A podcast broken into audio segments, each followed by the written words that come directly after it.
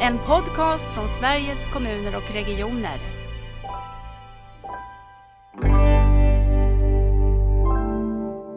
Jag brukar säga att egentligen är det absurt att vi 2021 har fortfarande väldigt mycket lättare att hålla koll på vår privatekonomi än vad vi har eh, på vår hälsa. Pengar motsvarande två JAS-flygplan att ta ett DNA-test som privatperson och förstå mitt genetiska anlag och vad jag har för riskfaktorer. Om några år kommer det kosta en Piggelin.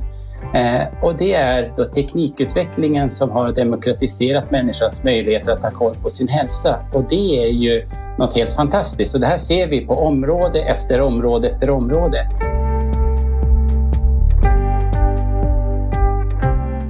Välkommen till Nära vårdpodden. Idag har jag den stora äran att ha med mig både en kollega och en norrbottning i podden. Det tycker jag är extra kul. Så välkommen eh, Patrik Sundström som är digitaliseringschef på SKR. Tack så mycket Lisbeth, det är jättekul att vara med idag. Hör du, vi börjar direkt med nära vårdfrågan. Vem är du? Eh, ja, men först och främst så är jag Patrik, jag är pappa, eh, jag är partner, eh, en del av en omgivning med familj och nära och kära med allt vad det innebär någonstans. Jag är uppvuxen som du var inne på Lisbeth i vackra Norrbotten. Mm starkt präglad får jag säga av, av landstinget. Eh, växte upp med en, med en mamma som gjorde väldigt många år i landstingets tjänst och mm. ja, men det blev någonting som präglade samtalen hemma kan man säga. Mm. Eh, men sen i grunden så är jag också jurist. Jag har jobbat många år med, eh, med liksom utvecklingsinriktad juridik kopplat till hälso och sjukvård, socialtjänst, forskning och utveckling kan man säga. Men sen ett antal år då egentligen arbetat uteslutande med frågor kopplat till, till digitalisering, framförallt av hälso och sjukvården och socialtjänsten. Men brukar som samtidigt vara tydlig med att säga att jag kan ganska lite om teknik och är nog ganska ointresserad av tekniken i sig. Det märkte vi inte minst när vi inte riktigt fick det att funka här innan vi skulle koppla upp oss i podden. Eh, men jag känner mig så himla besjälad av de möjligheter som jag ser att teknikutvecklingen ger oss att förändra servicen i välfärden. Så att det är nog egentligen min ingång i de här frågorna jag vill framåt, har ett driv att vilja bidra till att vi kommer framåt. Mm. Jag tycker själv också att det är så avväpnande när du säger det, för eh, jag är absolut också en person som säkert mycket i mycket större utsträckning än dig är både okunnig och inte jätteintresserad av teknik, men intresserad av, av tjänsteutveckling. Och då tänker jag att man kan ju annars bli lite rädd för digitaliseringsområdet och tänka att det där är inte mitt, för det där fattar jag mig inte på. Och då tycker jag att det är avväpnande att du, att du brukar presentera det så. Ja, men vad bra att du säger det, för jag möter ju jättemånga, eh, inte minst eh, eh personer på olika ledningsnivåer. Det kan vara förtroendevalda eller tjänstepersonsledningar som känner precis just det mm. där att man är kanske lite grann på läktaren och det blir ett, ett avstånd eh, till de som jobbar med de här digitaliseringsfrågorna för att man kanske inte fattar eh, jargongen och många mm. eh, trestaviga förkortningar och allt vad det innebär. Men jag tror att det är jätteviktigt att faktiskt eh, ganska tydligt säga att det är ju inte tekniken i sig har vi experter eh, till att kunna men vi behöver förstå vad det är vi behöver göra med vårt sätt att leda, styra mm. våra verksamheter på olika sätt som, eh, som då påverkas av teknikutvecklingen. Så för mig är det liksom, man kan digitalisering eh, om man förstår vad det är vi behöver göra för att kunna nyttja potentialen i teknikutveckling. Mm, just det. Hör du, när man är digitaliseringsdirektör på, eller chef på SKR, vad, vad har man för uppgifter? Vad är din uppgift där? Men min, jag har egentligen flera ganska tydliga eh, uppdrag. Eh, dels är det naturligtvis att skapa så goda förutsättningar som möjligt för oss som organisation att bidra till våra medlemmars utveckling i de här frågorna.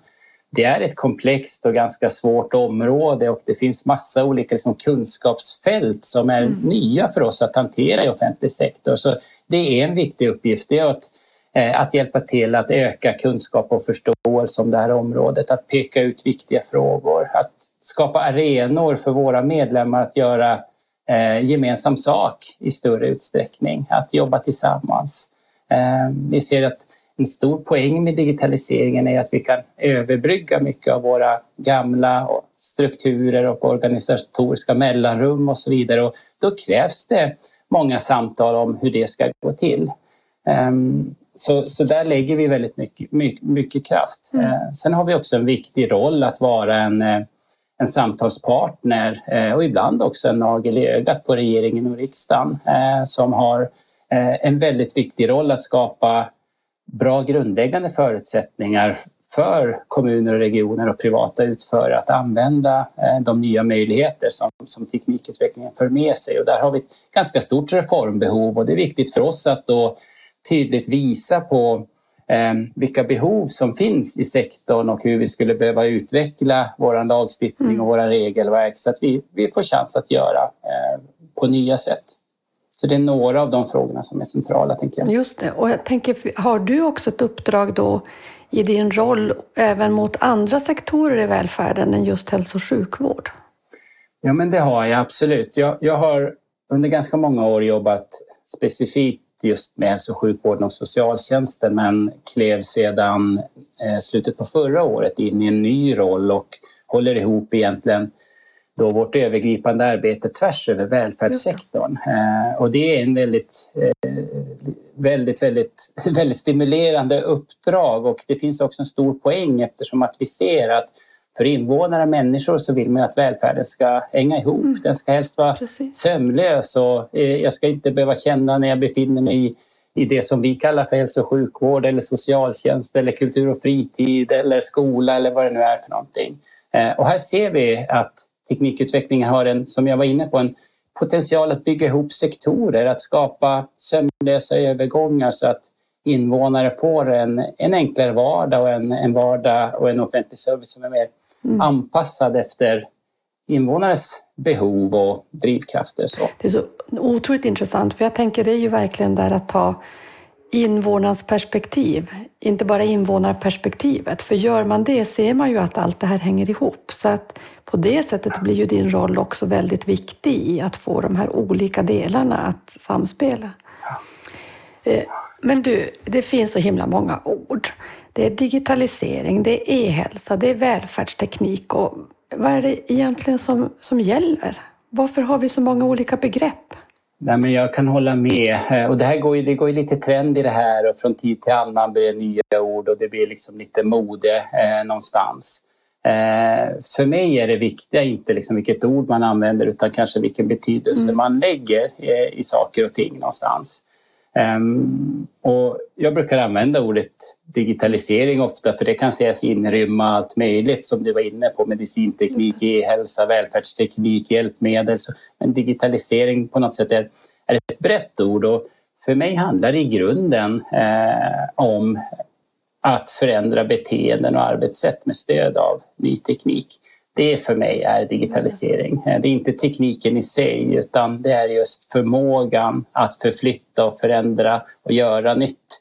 Att ompröva det gamla eh, och se hur ny teknik skulle kunna stödja oss att göra på nya sätt. Så det är egentligen den bilden som jag har av mm. digitalisering. Eh, att det är mycket, mycket stöd till beteendeförändring och det tror jag vi alla har sett och varit med om, inte minst här under pandemin där egentligen alla vi invånare och även i våra yrkesliv har tvingats på olika sätt mm. Eh, att förändra beteenden och blivit trygga med att eh, faktiskt då, eh, ja, göra på helt nya sätt med, med, stöd av teknik. Så det är liksom den ena delen.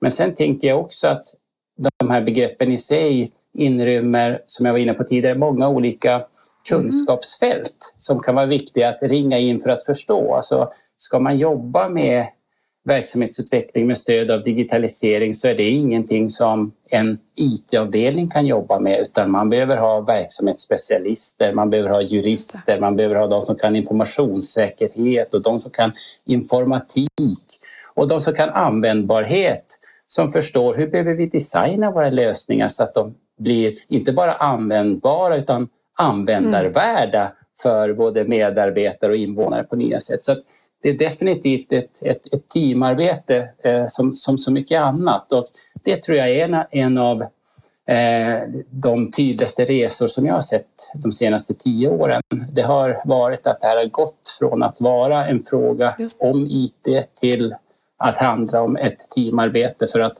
förändra vårt sätt att arbeta och erbjuda service. Eh, du, brukar också, du har inspirerat mig också för du brukar prata om digitaliseringen och också kopplingen till nära vård som, som en självständighetsreform. Kan du inte säga någonting om det? Ja, men absolut. Nej, men jag, tycker det finns, jag tycker det är så tydligt när vi tittar på eh, vad som har hänt runt omkring oss i våra privatliv och andra sektorer att vi har fått en Eh, ett större mått av självständighet som individer och våra egna förmågor har stärkts och till viss del också har våra bristande förutsättningar också kunnat kompensera, kompenserats mm. med hjälp av ny teknik. Eh, och jag tänker till exempel att jag brukar säga att egentligen är det absurt att vi 2021 har fortfarande väldigt mycket lättare att hålla koll på mm. vår privatekonomi än vad vi har eh, på vår hälsa. Och det är någonstans där som jag tycker att det är viktigt att resonera att det borde nästan vara en mänsklig rättighet att om man vill kunna ha en väldigt, väldigt god blick över ens hälsoläge och hur olika val som jag gör i min vardag påverkar mm. eh, min hälsa. Eh, så, så för mig är det eh, en väldigt, väldigt viktig del av, av den här reformen och också tror jag en, en grund för att skapa trygghet. Att man känner att jag är inte i någon annans händer utan jag har möjligheten att göra det här själv och ta tag i det när jag själv vill. Jag behöver inte vänta tills den här verksamheten öppnar sina fysiska lokaler på måndag till exempel. Eh, ja, jag tror att det finns jättemycket där och eh, eh, det finns många risker med digitalisering men det finns en väldigt positiv effekt i att kunna stärka vår självständighet och trygghet. Och det är ju verkligen att rucka. Jag vet Klara Palmberg som pratar om hur man ändrar komplexa system och säger att man måste få in grus i maskineriet. Man måste få sånt som, som ruckar lite på maktbalanser för det är då det händer saker. Och jag tänker att just det här att jag har den här eh, på något sätt makten själv, det, det är ju en förändringsdriv, eller en motor i förändringen i hälso och sjukvård. Det är jag helt övertygad eller det ser vi ju. Nej men absolut, jag kan bara hålla med där att jag tror också att vi behöver de där eh, det där liksom lite konkreta gnisslet också för att få upp ögonen. För jag tror att alla som jobbar i både hälso och sjukvården och omsorgen har eh, den här mm. insikten och mm, tänker på dem man möter som självständiga individer och hela resan med personcentrering och så vidare. Men vi kommer från en kultur när vi kanske har eh, tagit oss an de frågorna från, från ett inifrån och ut perspektiv och då behövs det ibland det här gnisslet utifrån så vi får upp ögonen från att nej, men det finns ju ett annat perspektiv vi skulle kunna titta utifrån och eh, fortsätta utvecklas kring. Man pratar ju också mycket om, om det digitala utanförskapet. Hur tänker du kring de frågorna? Jag tror att det, det, är helt centralt någonstans och det är en förtroendefråga egentligen för hela offentlig sektor oavsett verksamhet. Alltså då pratar vi både kommun, eh, region och stat. Idag har vi ju eh, tyvärr alldeles för många invånare, upp till en miljon brukar man säga, som står utanför den mest basala infrastrukturen, mm. att ha tillgång till kvalitetssäkert bredband till exempel. Och ska vi kunna flytta välfärden nära våra invånare, då behöver det här finnas på plats och då, kan, då måste det finnas överallt. Mm. Sen handlar det också förstås om att hela Sverige ska leva. Det är inte bara ett digitalt utanförskap för oss som invånare utan det är också för, för byar, för städer, att kunna flytta dit med sina barn, få tillgång till undervisning, att kunna starta företag eh, och så vidare. Eh, digitaliseringen gör ju världen i stort sett mm. gränslös någonstans. Men en grundförutsättning för att ge alla människor den möjligheten är att det finns eh, eh, ja, till exempel då bredband. Så det är den ena delen mm. av utanförskapet. Den andra delen tänker jag, det är hur de lösningar och de nya arbetssätt vi börjar erbjuda, hur de är utformade då så att så många som möjligt kan dra nytta av dem oavsett våra olika funktionsförutsättningar mm. och så vidare. Och, och, och, där tror jag vi fortfarande har en resa att göra, offentlig sektor tillsammans med näringslivet för att faktiskt tydligare visa på vad är det vi vill ha? Vilka krav mm. ställer vi? Så att inte vi börjar erbjuda då, eh, digitala lösningar bara för människor eh, ja, som redan är digitalt litterära mm. på olika sätt och eh, precis. vana användare. Jag tänkte precis när du säger digitalt litterära, jag satt och tänkte på hälsolitteracitet som man pratar allt mer om idag och vår förmåga att också möta människor utifrån deras olika behov och förmågor. Och, och så, då kanske det finns någonting, och det, det har du säkert mer kunskap om än mig, alltså hälsolitterativiteten på det digitala området på något sätt. Nej men, nej men jag håller med. Och det här det är ju en jätte, det ett stort område men också ett väldigt komplext område eftersom att vi ser att en del av de eh, invånare, och det, det är liksom ett globalt fenomen som kanske skulle ha störst nytta av en del digitala vardagsnära stöd står redan eh, en, en bit ifrån det digitala innanförskapet, mm. saknar till exempel basala saker som e-legitimation och så vidare. Eh, så att, och jag tänker från, från min horisont så det här vi är inne på att de digitala lösningarna de kan ju på allvar bli individcentrerade så de kan vi designa så att de utgår efter ingen annans behov och förutsättningar än just mina. Det är det som är liksom finessen med data till exempel. Man kommer så mm. djupt in eh, på, eh, på det unika i varje person.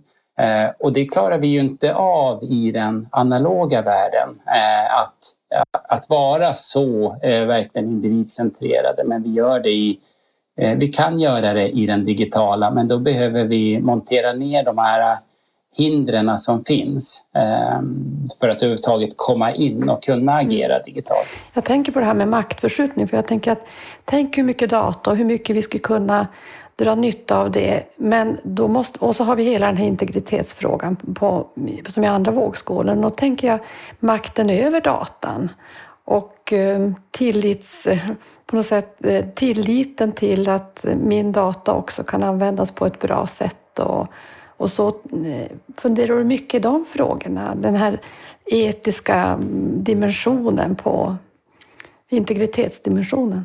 Nej, men jag funderar jättemycket på den och har ju också som jurist jobbat särskilt med den under väldigt många år och kan, kan tycka att ibland att eh, det liksom öppna samtalet kring de här frågorna har varit för eh, begränsat och eh, att man har gjort ibland de här frågorna till juridiska frågor till exempel.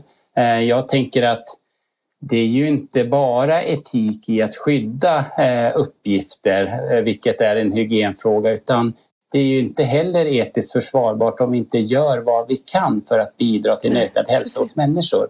Och då är det ju inte etiskt okej okay att inte använda all den datan vi kan för att kunna göra gott mm. eh, någonstans. Och, och, och, för mig är det här ingen, det ingen juridisk fråga utan balansen mellan att till exempel kunna använda data för att bidra till ökad hälsa eh, eh, visavi då risken för ökade intrång i vår personliga integritet. Det är ingen juridisk fråga utan en politisk fråga om mm. vilket samhälle vi vill ha. Så det, det samtalet är i allra högsta grad eh, politiskt men, men om jag ska vara ärlig så tycker inte jag att jag hör det särskilt ofta i Sveriges riksdag att det är på tapeten. Mm.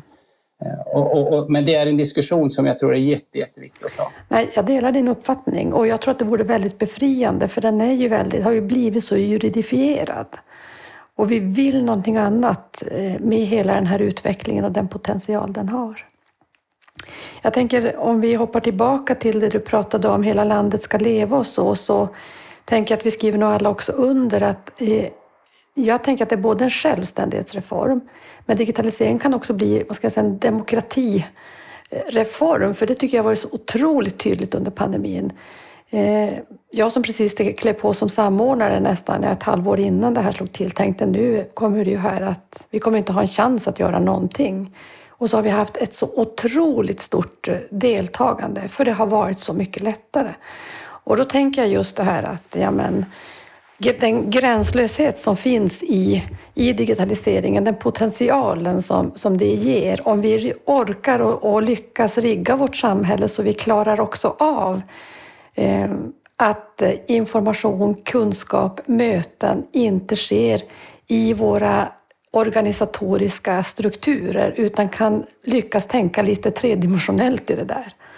jag tycker det där är jättespännande. Jag brukar ofta eh, just prata om det att jag tror att vi behöver också påminna oss från tid till annan att det finns inga tekniska hinder att låta kunskap, kompetens, information och stöd färdas digitalt och uppträda där människor befinner sig. Det finns alltså inga tekniska hinder överhuvudtaget. Och, och jag tror att när vi till fullo omfamnar det, då blir det som vi brukar säga att då blir offentlig sektor eller hälso och sjukvård nödvändigtvis mm. inte en plats man går till utan det blir en tjänst som levereras där den behövs på mm. det sätt som, som jag önskar eh, som invånare och det är väl demokrati i något om man kan få de sakerna eh, att sammanfalla. Sen finns det andra delar med teknikutveckling. Jag tycker ju att teknikutvecklingen kopplat med tillsammans med kunskapsutvecklingen gör det omöjliga möjligt. Alltså det är helt fantastiskt.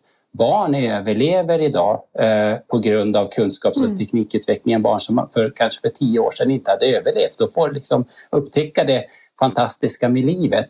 Eh, och, och jag tror också att vi behöver sätta ett ökat fokus på just det här att det gör det omöjliga möjligt. Jag brukar ge exemplet apropå digitaliseringens demokratiserande effekt så brukar jag beskriva hur det för 20 år sedan kostade mig ungefär pengar motsvarande två JAS-flygplan mm. att ta ett DNA-test som privatperson och förstå mitt genetiska anlag och vad jag har för riskfaktorer. Mm. Om några år kommer det kosta en Piggelin. Eh, och det är då teknikutvecklingen som har demokratiserat människans mm. möjligheter att ha koll på sin hälsa. Och det är ju något helt fantastiskt. Och det här ser vi på område efter område efter område. Jag kan ta ett annat exempel, ta i skolans värld. Eh, det finns inga tekniska begränsningar för att låta, säg, nu hittar jag på, men Sveriges bästa pedagog inom ett visst ämne nå alla tredjeklassare i hela Sverige. Alltså, det är en fantastisk utveckling vi har varit med om och jag tror vi bara är i början av att förstå vad, hur vi skulle kunna använda den för att göra gott. Mm. Och det tänker jag också, vilken potential i den stora utmaning som hela välfärden och inte minst hälso och sjukvården står inför. Det är ju först och främst inte pengar, det är ju faktiskt människor och kompetens. Och helt plötsligt kan den här kompetensen kanske användas mycket mer gränslöst och skapa mer jämlikhet också. Så, eh, var tänker du att de stora utmaningarna ligger för att kunna använda den, den här potentialen? Var bor utmaningarna? Eh, jag tänker att för mig är den största utmaningen, den är inte digital. Jag brukar säga att den är analog. Eh, vi är många som ofta eh, köper in på den här typen av nya idéer. Eh, det är ganska lätt att ta, eh, ta, ta till dem till oss.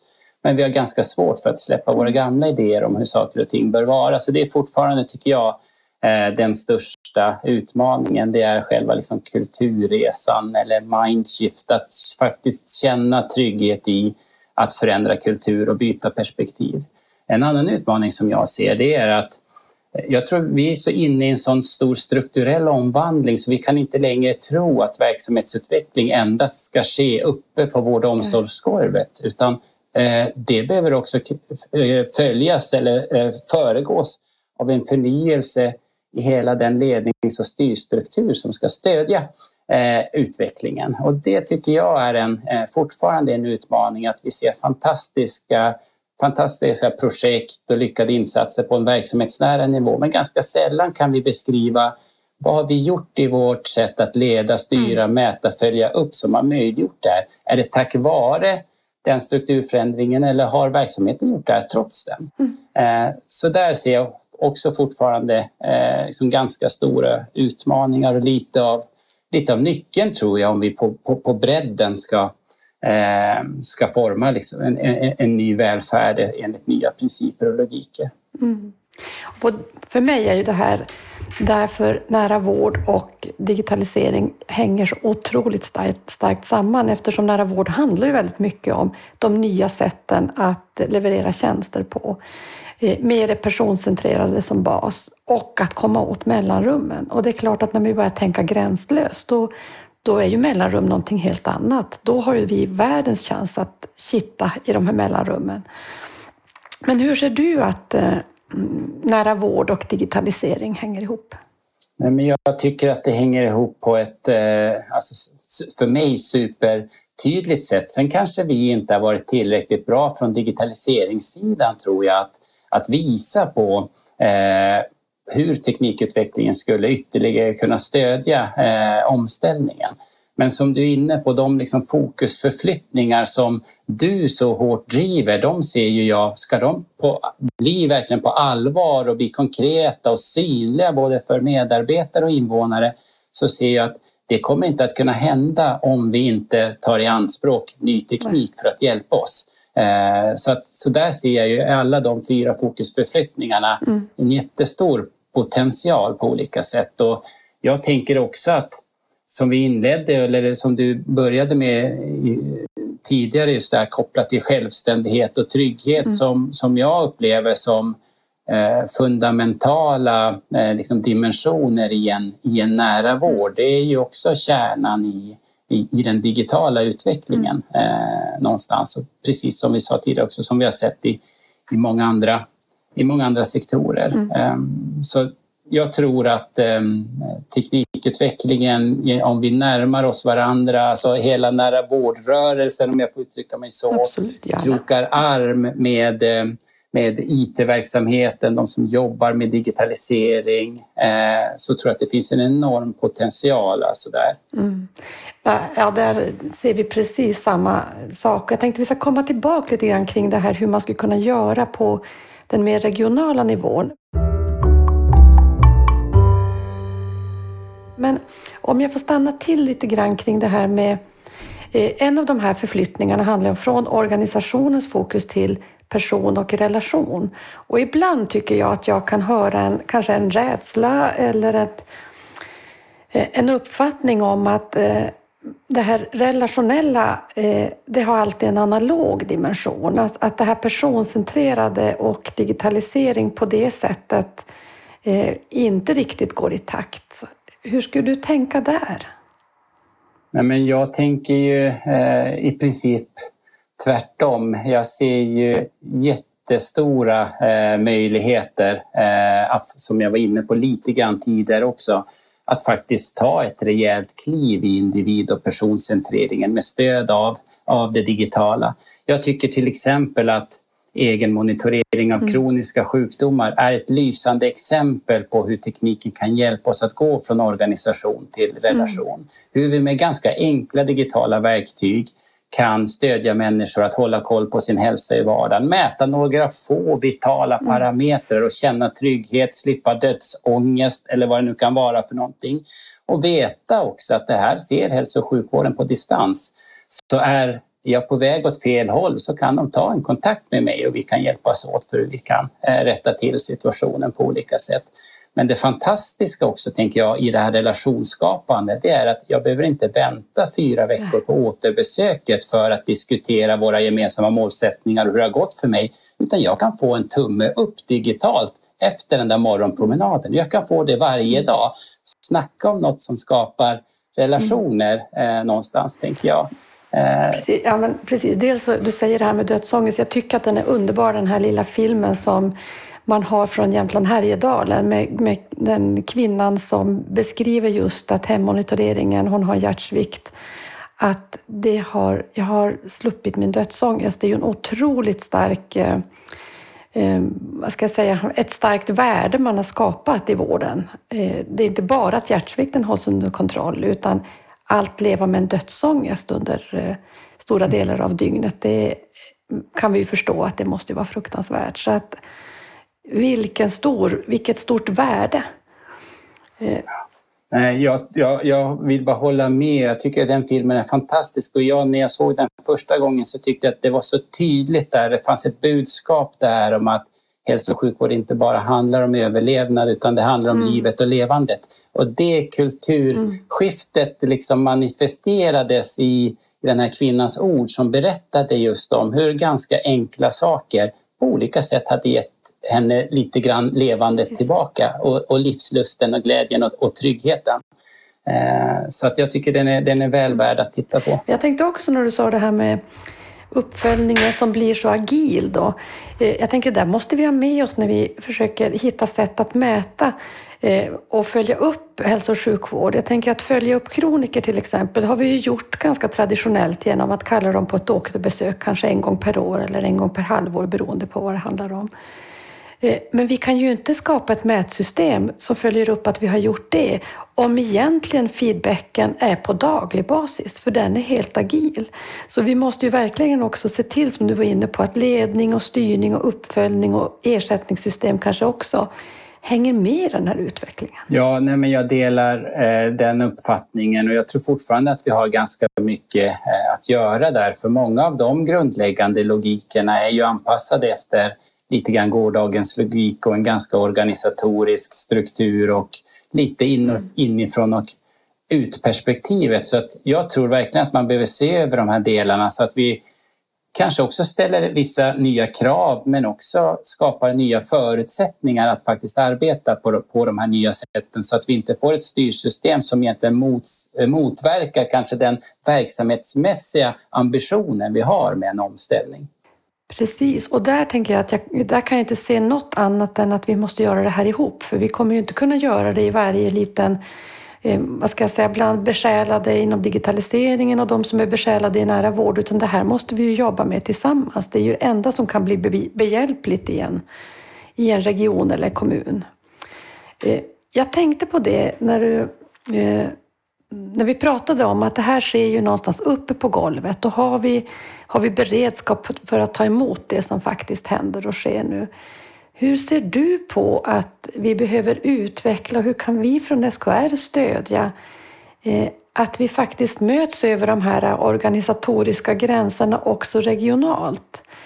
För vi eh, är ju fortfarande, och kanske måste vara, eh, så att vi, vi blir specialister inom våra fält. Men jag har en erfarenhet av att det inte alltid nära vårdomställningsfolket, om jag får säga så, eh, och digitaliseringsfolket till exempel, jobbar så tätt. Eller ser du att det händer någonting där? Men jag ser absolut exempel, men som så ganska ofta i en utvecklingsresa så börjar det kanske med små gröna öar här, här och där. Och det tror jag väl är en av våra eh, viktigaste uppgifter. Det är att lyfta upp de där gröna öarna, låta dem skina, sprida de erfarenheterna, visa på de goda exemplen någonstans. Så det tror jag är en väldigt viktig uppgift vi har, att försöka fånga just där vi ser exempel att ja, men här har man faktiskt gjort det här. Här har man börjat jobba i, team på nya sätt och man har börjat identifiera var man har sina utmaningar och hur man ska ta sig an dem tillsammans på olika sätt. Så det tror jag är en väldigt viktig uppgift. Sen tror jag också att vi har en viktig uppgift på något sätt som har eh, förmånen att ha ett litet helikopterperspektiv att också titta på hur gör andra organisationer mm. i deras kontext, alltså som kanske inte handlar om vård och omsorg men som också bygger ihop sig på olika sätt med helt nya aktörer som också har insett att, att digitaliseringen har en potential att brygga över de här gränserna och även där kan vi lära oss eh, väldigt mycket. Eh, jag brukar ofta nämna hur, hur jag ser att många eh, av de stora företagen inom dagligvaruhandeln till exempel har skapat plattformar som är mycket, mycket större än dagligvaruhandel. Alltså det är deras sätt att försöka möta hela deras kunders behov. Har du ett medlemskort hos dem så kan du idag inte bara få mat eller handla mat på, på en mängd olika sätt utan det finns också apotek och det finns vårdgivare, det finns fastigheter och det finns banktjänster och det finns försäkringstjänster och så vidare. Eh, och jag tänker kommuner och regioner, vi har i princip lejonparten av välfärdssektorn så bygger vi ihop oss tillsammans med, med civilsamhälle och andra krafter så kan vi ju få plattformar som Eh, ja, som, som, är, som är helt fantastiska eh, och sömlösa på ett helt mm. annat sätt än tidigare. Um, men jag, jag, jag, tror väldigt mycket på att fortfarande att visa på, eh, på det som sker men också att kunna då vara tydlig med vilket värde har skapats mm. eh, av att man har gjort den här resan. Mm. Hur har det här faktiskt blivit bättre både för den vi är till för, för våra medarbetare, för resurseffektiviteten eller vad man vad man nu vill mäta för någonting. För jag tänker det är ju, det är ju en sak att, att hitta varann och det är otroligt viktigt och jag håller med. Jag tycker att vi ser mycket av att det börjar hända nu, alltså hitta varann mellan de som jobbar med digitalisering och har det som fokus och nära vård och det kan vara andra delar. Eh, men jag tänker också att det finns ju också ett behov i det här gränslösa att, eh, och det är väl det du är inne på, att lära av andra branscher och SKRs roll och den samordning som behöver ske också mellan olika regioner. Och då pratar jag regioner som våran förra eh, regionala utvecklingsdirektör i Norrbotten alltså territoriet. För då tänker jag också att där innefattas ju också kommunerna. Beskriv lite hur SKR och kommuner och regioner jobbar med att också få ihop det här gränslösa. Har du sådana exempel där inte varje region på något sätt lever sin, gör sin resa?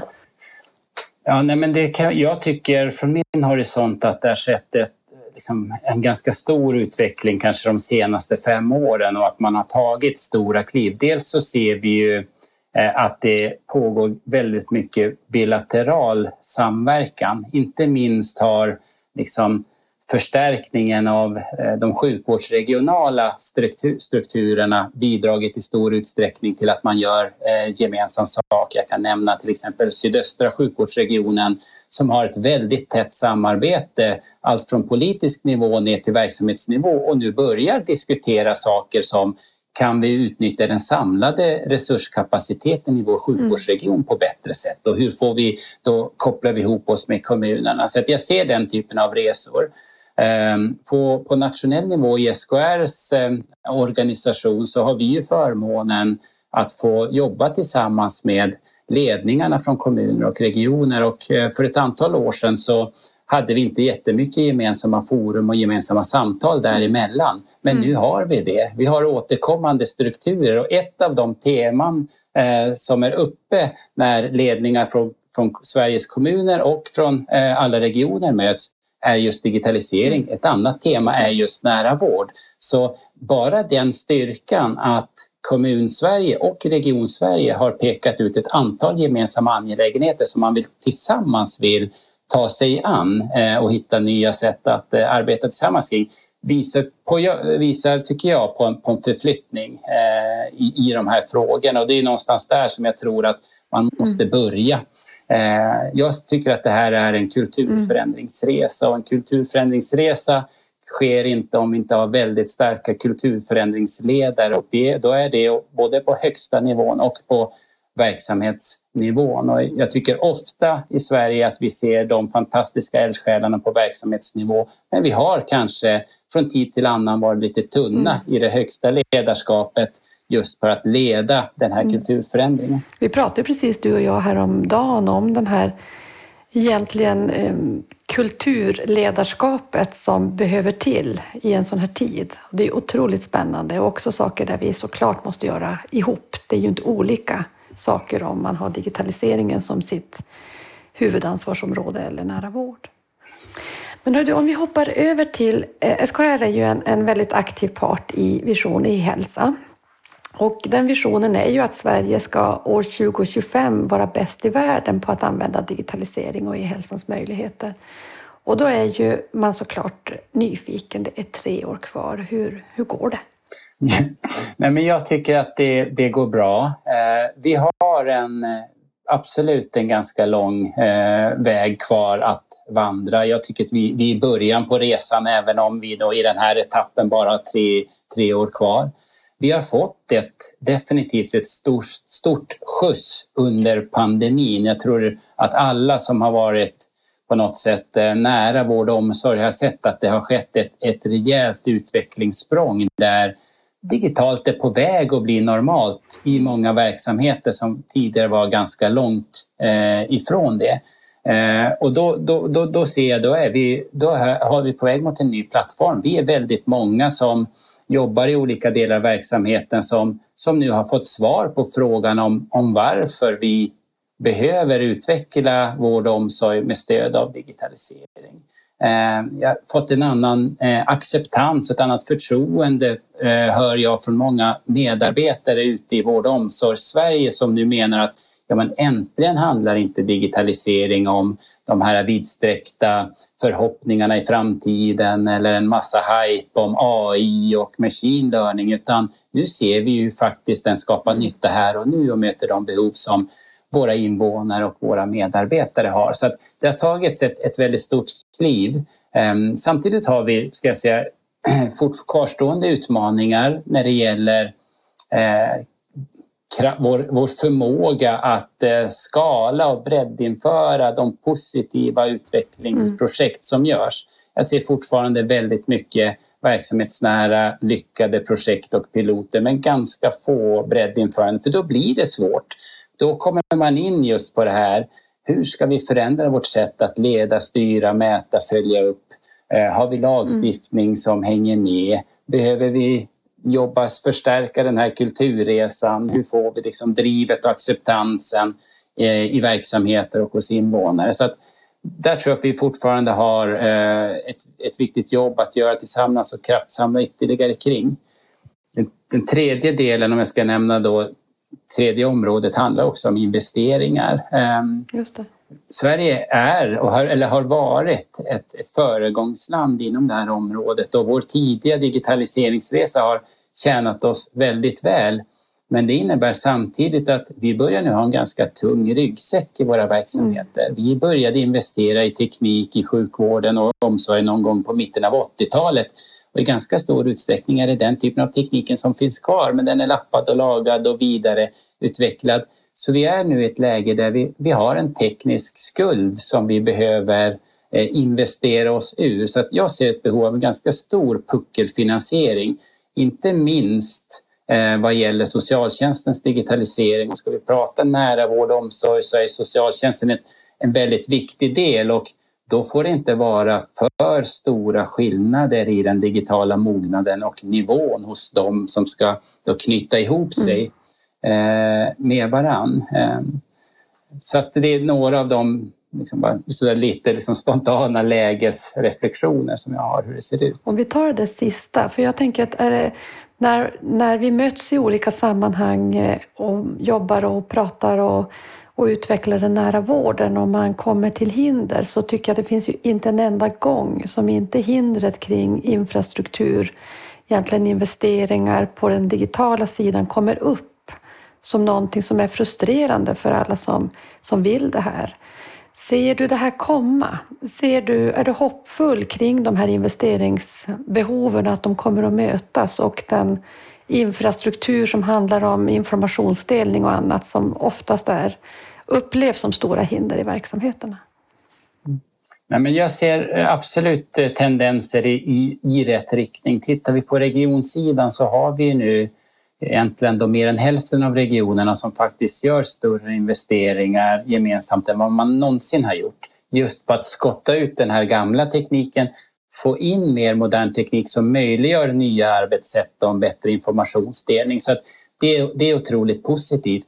Samtidigt så, så, är vi ju faktiskt 21 regioner och 290 mm. kommuner och här ser vi ett behov av att även den statliga mm. nivån går in och visar ett engagemang för att höja den digitala nivån i hela välfärdssektorn. Um, och där har vi nog en bit kvar att göra. Jag tycker inte, även om det finns på den politiska agendan i regeringen och riksdagen, så tycker jag kanske inte att den är tillräckligt mm. högt uh, på agendan. Uh, jag tycker att vi som arbetar med digitaliseringsfrågor också kanske behöver bli bättre på att förse våra förtroendevalda med med, med bra underlag, med berättelser om vad det här mm. innebär. Att det inte handlar om teknik utan att klä det i ord om vad det här då innebär för en patient, en elev, en medarbetare, hur det kan bidra till ökad kvalitet, tillgänglighet, resurseffektivitet och så vidare. Så att vi började det här samtalet och prata lite grann om det här avståndet som ibland kan finnas till digitaliseringsfrågor. Jag tror att vi ska vi bryta igenom och få en, en, eh, ett liksom uppmusklat investeringsprogram för hela offentliga Sverige, då behöver det avståndet krympa, särskilt kopplat till, till de förtroendevalda som, eh, som vi naturligtvis eh, vill investera om man förstår vad det här ska vara till för och hur det kommer att bidra till något gott för invånare och samhälle. Jag tänker att en del eh, eh, av på något sätt den politiska kraften från staten borde ju koppla ihop sig mot det man ändå har fattat beslut om. En, en riktning, en målbild för omställningen av hälso och sjukvårdssektorn mot en nära vård, för det har ju eh, man fattat beslut om i november förra året. Eh, men också har man ju ändrat i hälso och sjukvårdslagen och sagt att vården ska ges nära. Och i, i de eh, propositionstexter som finns till, till nära så beskriver man ju just det att nära inte behöver vara fysiskt nära. Och det är klart, ska vi klara av den den jätteviktiga och stora resan så behövs det ju också eh, muskler från staten. Så att det är viktiga perspektiv att koppla ihop de här också ur, ur ett statligt, från den statliga nivån.